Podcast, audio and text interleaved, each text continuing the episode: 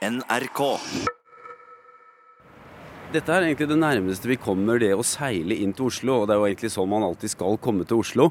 Eh, og når vi står her, så ser vi først Filipstad, og så ser vi Tjuvholmen. Og så ser vi Akersneset med, med, festningen, og så ser vi den nye byen med Bjørvika, som, som, er den nye byen som formidler over til middelalderbyen på den andre siden av, av Bjørvika. Det, vil si, det kan vi bare ane, men, eh, men vi vet det er der på den andre siden av Vippetangen. Dette er Morten Stige, avdelingsleder ved Byantikvaren i Oslo, kunsthistoriker og middelalderentusiast. Vi står høyt oppe på Røylen, nesten på taket av Norsk Maritimt Museum på Bygdøneset. Det er sol og glitter i fjorden, og utsikten mot hovedstaden skyline er formidabel. Graver andre ting der, Og så er det hele det moderne middelalder-Oslo og det moderne Oslo. Eh, det er mange lag vi står og ser på her. Og havnebyen med 1900-tallshavnen den ser vi først og fremst med siloen ute på Vippetangen, som er det eneste som er igjen av havnebyen Oslo i den indre, indre by. Sånn at uh, her er det, dette er et veldig spennende sted, og alle det er herfra man burde ha enhver sånn Oslo-vandring burde egentlig være fra dekket av en båt, hvor man tok de lagene som du beskriver her. Ved Bispegata i gamlebyen i Oslo har gravingsarbeider avdekket interessante funn fra hovedstaden på 1200-tallet.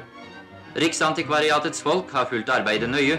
En har også funnet rester av den ytre ringmuren som Oslo-bispen Niklas lot reise rundt borgen sin herunder Ekebergåsen. Filmavisens ukerevy høsten 1954. Et humoristisk bakteppe for grunnen til at vi står på balkongen utenfor Møterom Røylen på Norsk Maritimt Museum. Foreningen for middelalderarkeologer i Norge har nettopp hatt sitt tiårsjubileum her.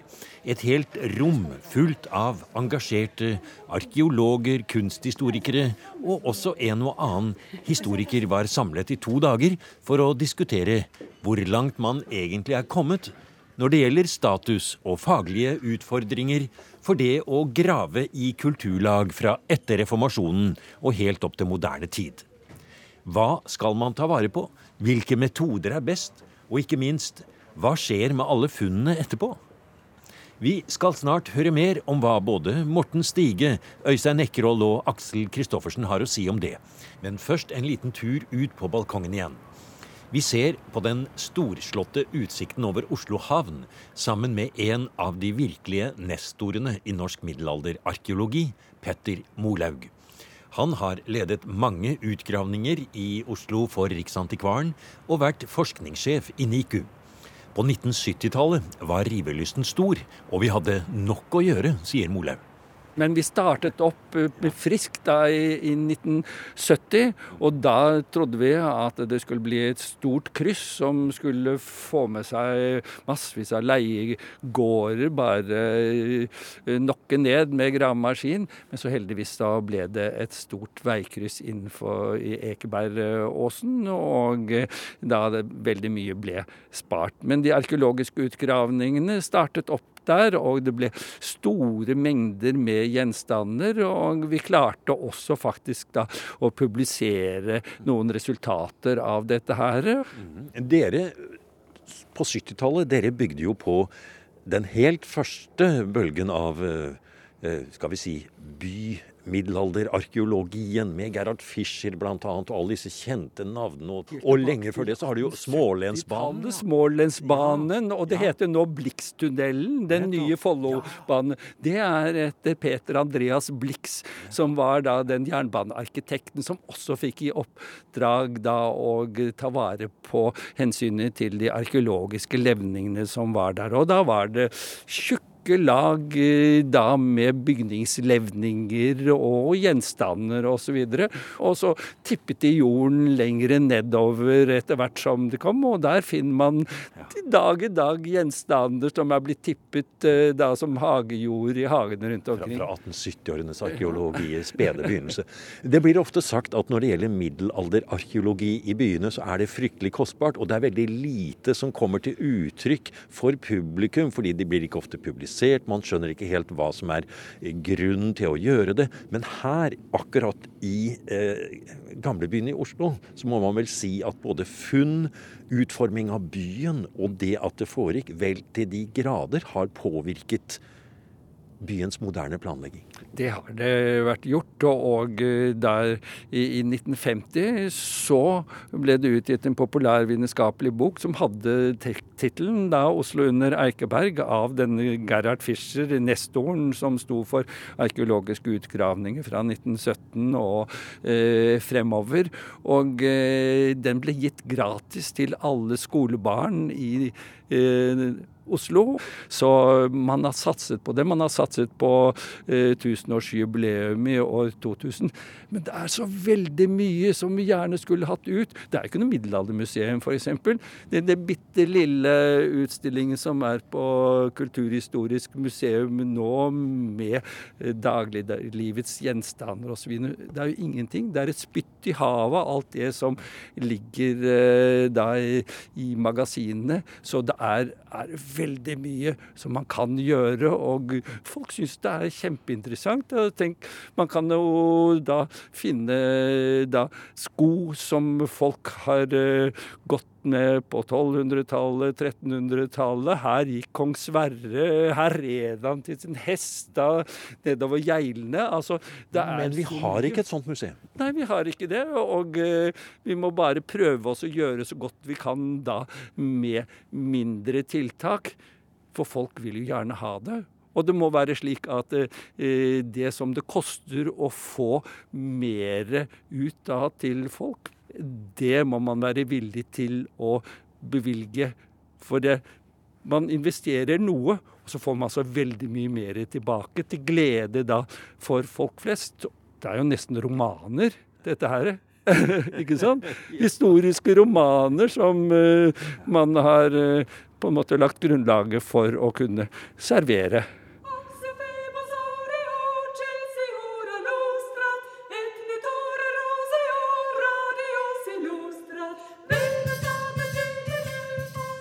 En munter og verdslig middelaldersang om solen som stiger på himmelen, kan kanskje passe som overgang fra entusiasmen på 1970-tallet til de store prosjektene som fulgte med utbyggingen av Oslo på 2000-tallet. Senketunnelen for E18, Barcode og Follobanen. Alle enorme anlegg med store maskiner og milliardsummer i omløp. Ting skulle gå fort, men arkeologien var med. Og for den saks skyld Kanskje middelalderskoene, som Molaug snakket om også. Lise Marie By Johansen er i dag avdelingsleder i NIKU og ekspert på å prosjektere arkeologi i store anlegg. Men da hun startet som ung arkeolog på tidlig 2000-tall, var det mye å finne ut av i anlegget for senketunnelen. Der var det ikke graveskje og finarbeid med pinsett. Det var en veldig spesiell opplevelse for meg, eh, som var eh, ny i, i, med middelalderutgravninger på den tiden.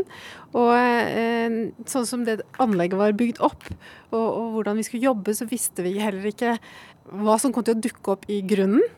Og metodene som var valgt, var ganske grove. sånn at man brukte store slissesakser for å um, lage et fundament så man kunne støpe en, en ramme som vi skulle Hva, hva er en slissesaks? En slissesaks, det har jeg aldri hørt om før eh, heller. Det ser rett og slett ut som en stor saks som er, eh, har en grabb mot, mot bunnen. Og den er enormt stor. Ja, den er kjempesvær. Det er sånn ti gravemaskiners høyde. Ja. ja, og den er god til Du kan klippe gjennom alt med den, men spesielt god er den da til å løfte opp leire, som det var mye av rundt i senketunnelen. Ja. Men når vi hadde fått på plass den ramma, så kunne vi grave inni.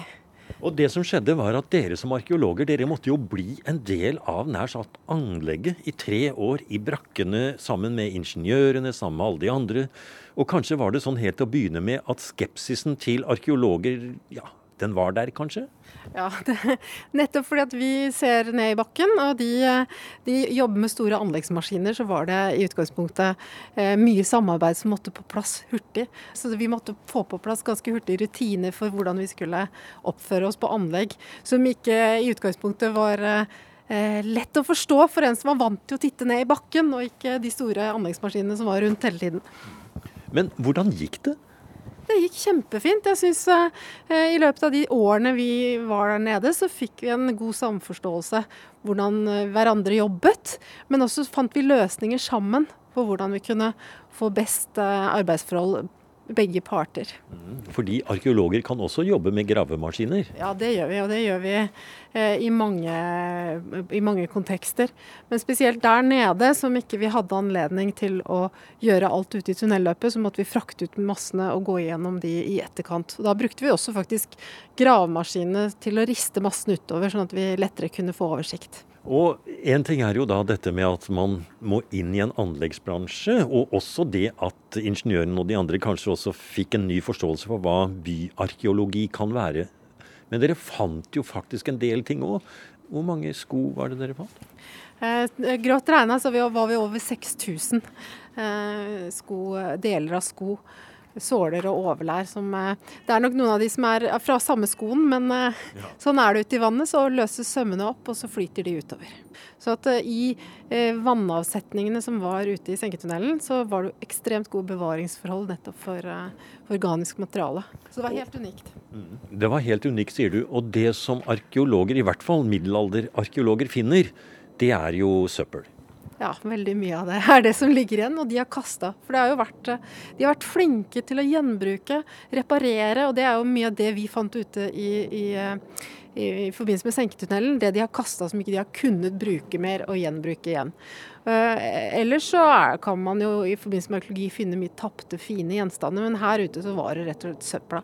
Og den har nok vært kasta uti vannet lenger oppe i middelalderbyen, og så har den uh, flyttet videre da med vannstrømmen og endte opp her hvor vi fant den. Hvor er de funnene nå? De er på museet. Er de publisert? De er ikke publisert i, i, i forbindelse med forskningsresultatet, men det er uh, foreligger en rapport fra utgravningen. Ja. Kan publikum se det noe sted? Um, det veit jeg ikke. Svaret er nok nei. Eh, og er det selve problemet, kanskje, med den etterfasen av historisk arkeologi? At det er ingen som helt vet hvem som skal ta seg av det når alt er over? Jeg er helt sikker på at det er godt ivaretatt på museet, men akkurat om disse gjenstandene er del av en utstilling nå, det, det har jeg ikke oversikt over.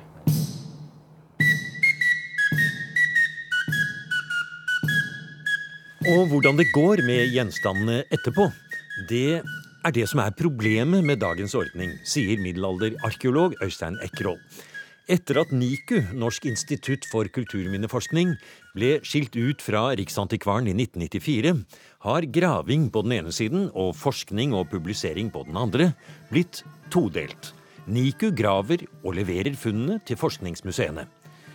Så er det opp til museene og universitetene å publisere, stille ut og forske.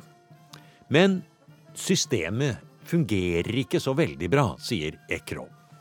Nei, det er jo det som etter mitt syn er den store ankepunktet mot det som skjedde der. Det gjorde at det eh, Altså prinsippet om at utgraver skal betale for utgravinga, eh, for eh, konservering og magasinering av gjenstandsmateriale og en nødvendig eh, rapport, altså en, iallfall en eh, grov sammenfatting av resultater. Men så er det stopp. Eh, det vi kaller en publisering eller en formidling i form av en, en utstilling, eh, en bok, eh, en, en, nettbasert publisering, det blir stadig sett på som et luksusproblem. Og det skjer da som regel ikke. Som du sa i ditt innlegg, museene drukner i gjenstander. Men ingenting skjer.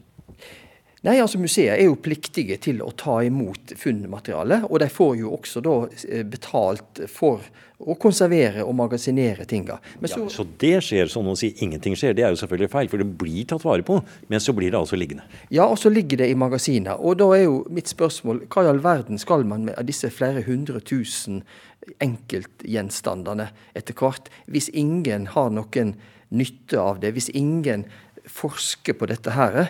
Eh, det blir et, veldig stort økonomisk spørsmål. Eh, det er klart det høres drastisk ut å skulle si at det, nei, vi, vi, tar ikke imot mer. Eller vi, vi, vi, plukker ut det fineste eller mest interessante, og så kaster vi resten. Det kan vi naturligvis ikke gjøre. Men det er jo et paradoks at det, museer blir fullere og fullere i magasiner. Samtidig så bygger man ned de faste utstillingene. Samtidig så er det nesten alle museer har lagt ned sine publiseringer i form av årbøker og, og den slags. Så det blir et større og større sprik mellom formidlinga av materialet, av resultater, og eh, behandlinga av selve materialet. Men burde det blitt med som en del av nær sagt graveoppdraget?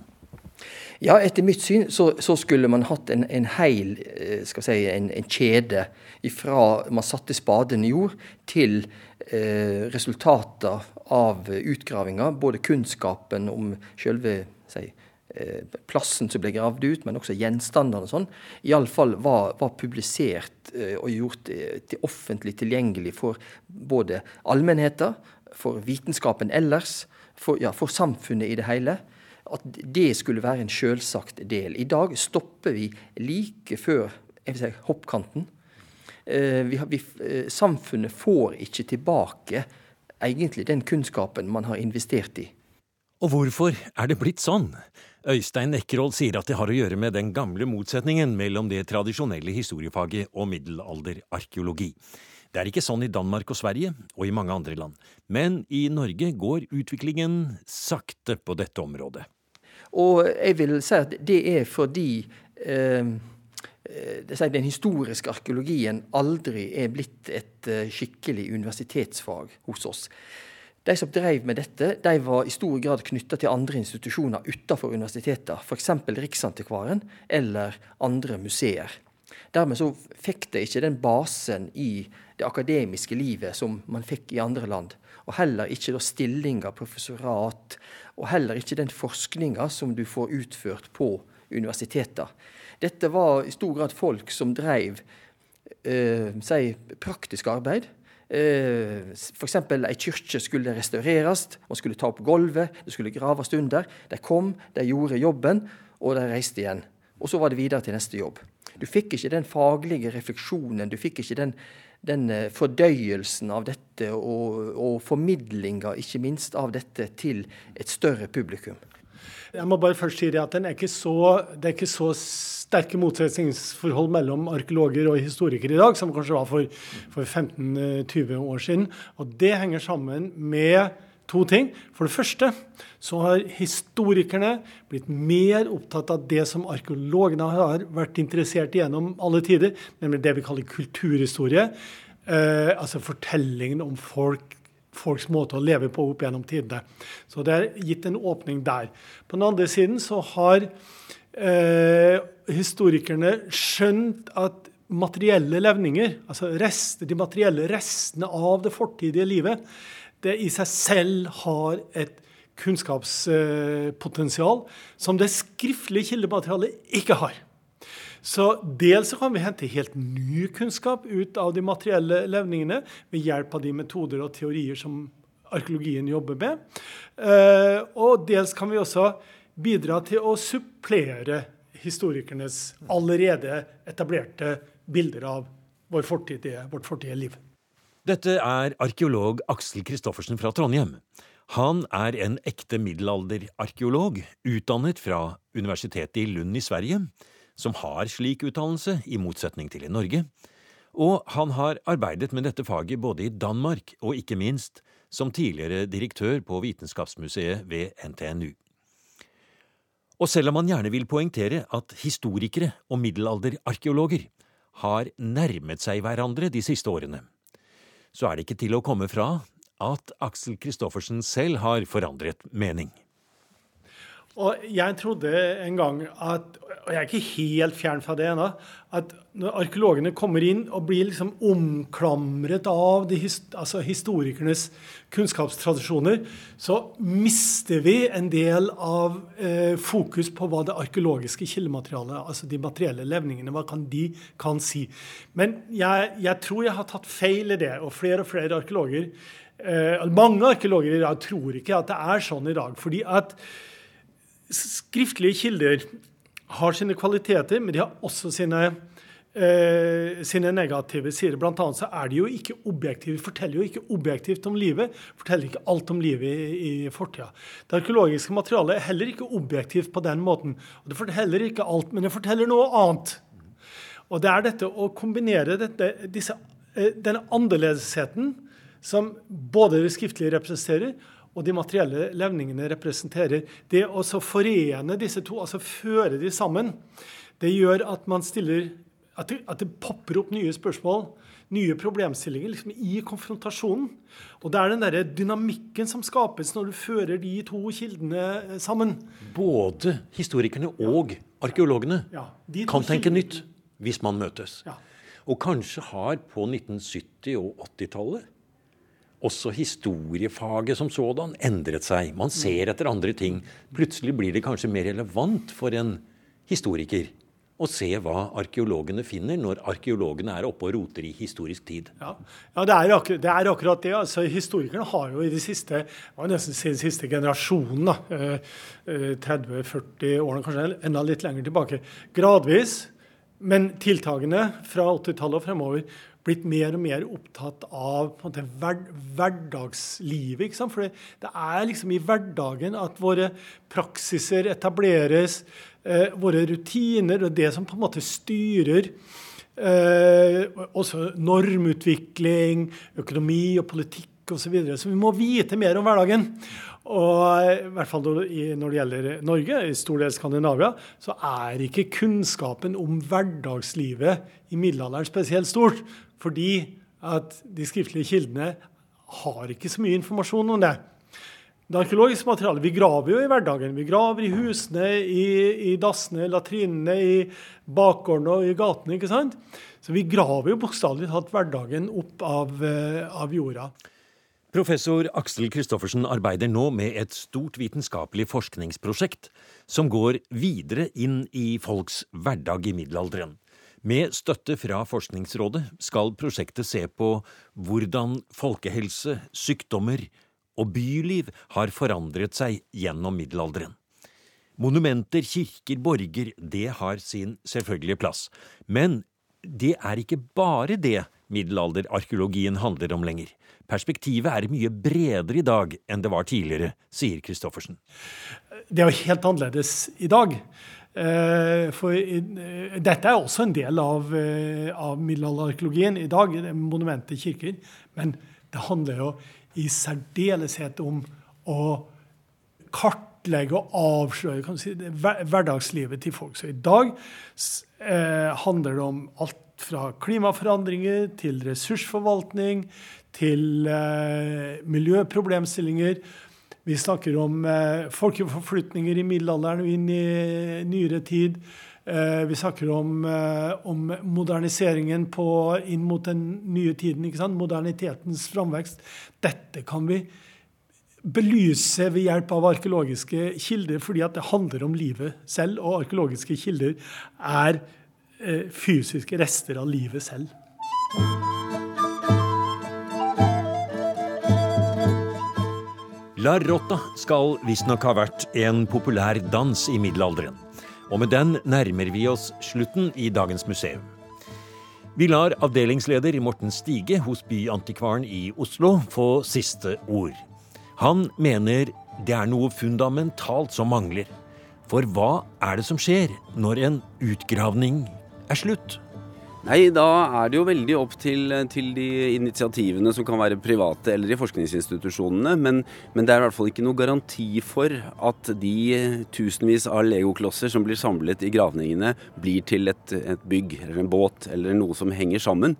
Fordi at kulturminneloven gir klare hjemler til å kreve kostnadsdekning når man skal gjøre tiltak som ødelegger arkeologi. Så får man kostnadsdekning på å grave det ut, på å skrive en ryddig, objektiv rapport og på å magasinere funnene. Men der er det stopp. Sånn at det siste trinnet som aktiverer funnene og får de til å henge sammen og, og, og får frem historiene, de historiene som kan gi oss en forbindelse til fortiden og forståelse av fortiden, og som kan sette i gang undring og, og kunnskap, den biten mangler. For den er ikke ivaretatt i kostnadsdekningene. Sånn som man har tolket eh, kulturminneloven så, så, så, det, så, skal ikke tiltakshaver dekke den delen. Eh, og dermed så blir det ikke gjort.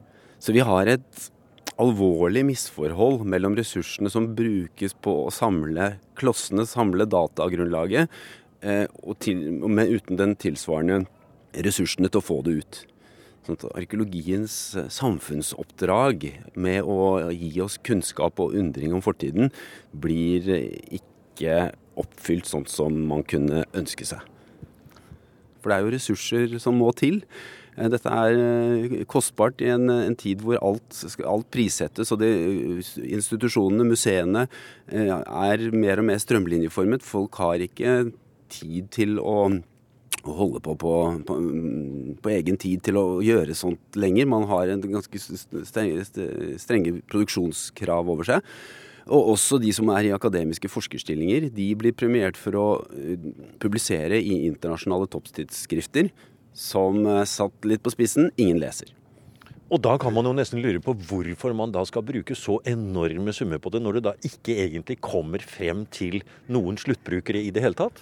Ja, Legitimiteten i, å, i, det, i arkeologivirksomheten vår er jo i å få det ut til publikum. Så det, det krever et grep, dette her. Og det skal, ikke, det skal, ikke, koste mer. Vi må bare flytte ressursene sånn at, at, det blir også legitimt å bruke pengene på den siste fasen. Og få det den siste, siste meteren over mål og ut til folk.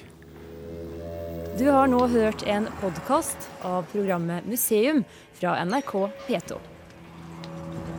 Og send gjerne en e-post til museum krøllalfa nrk.no.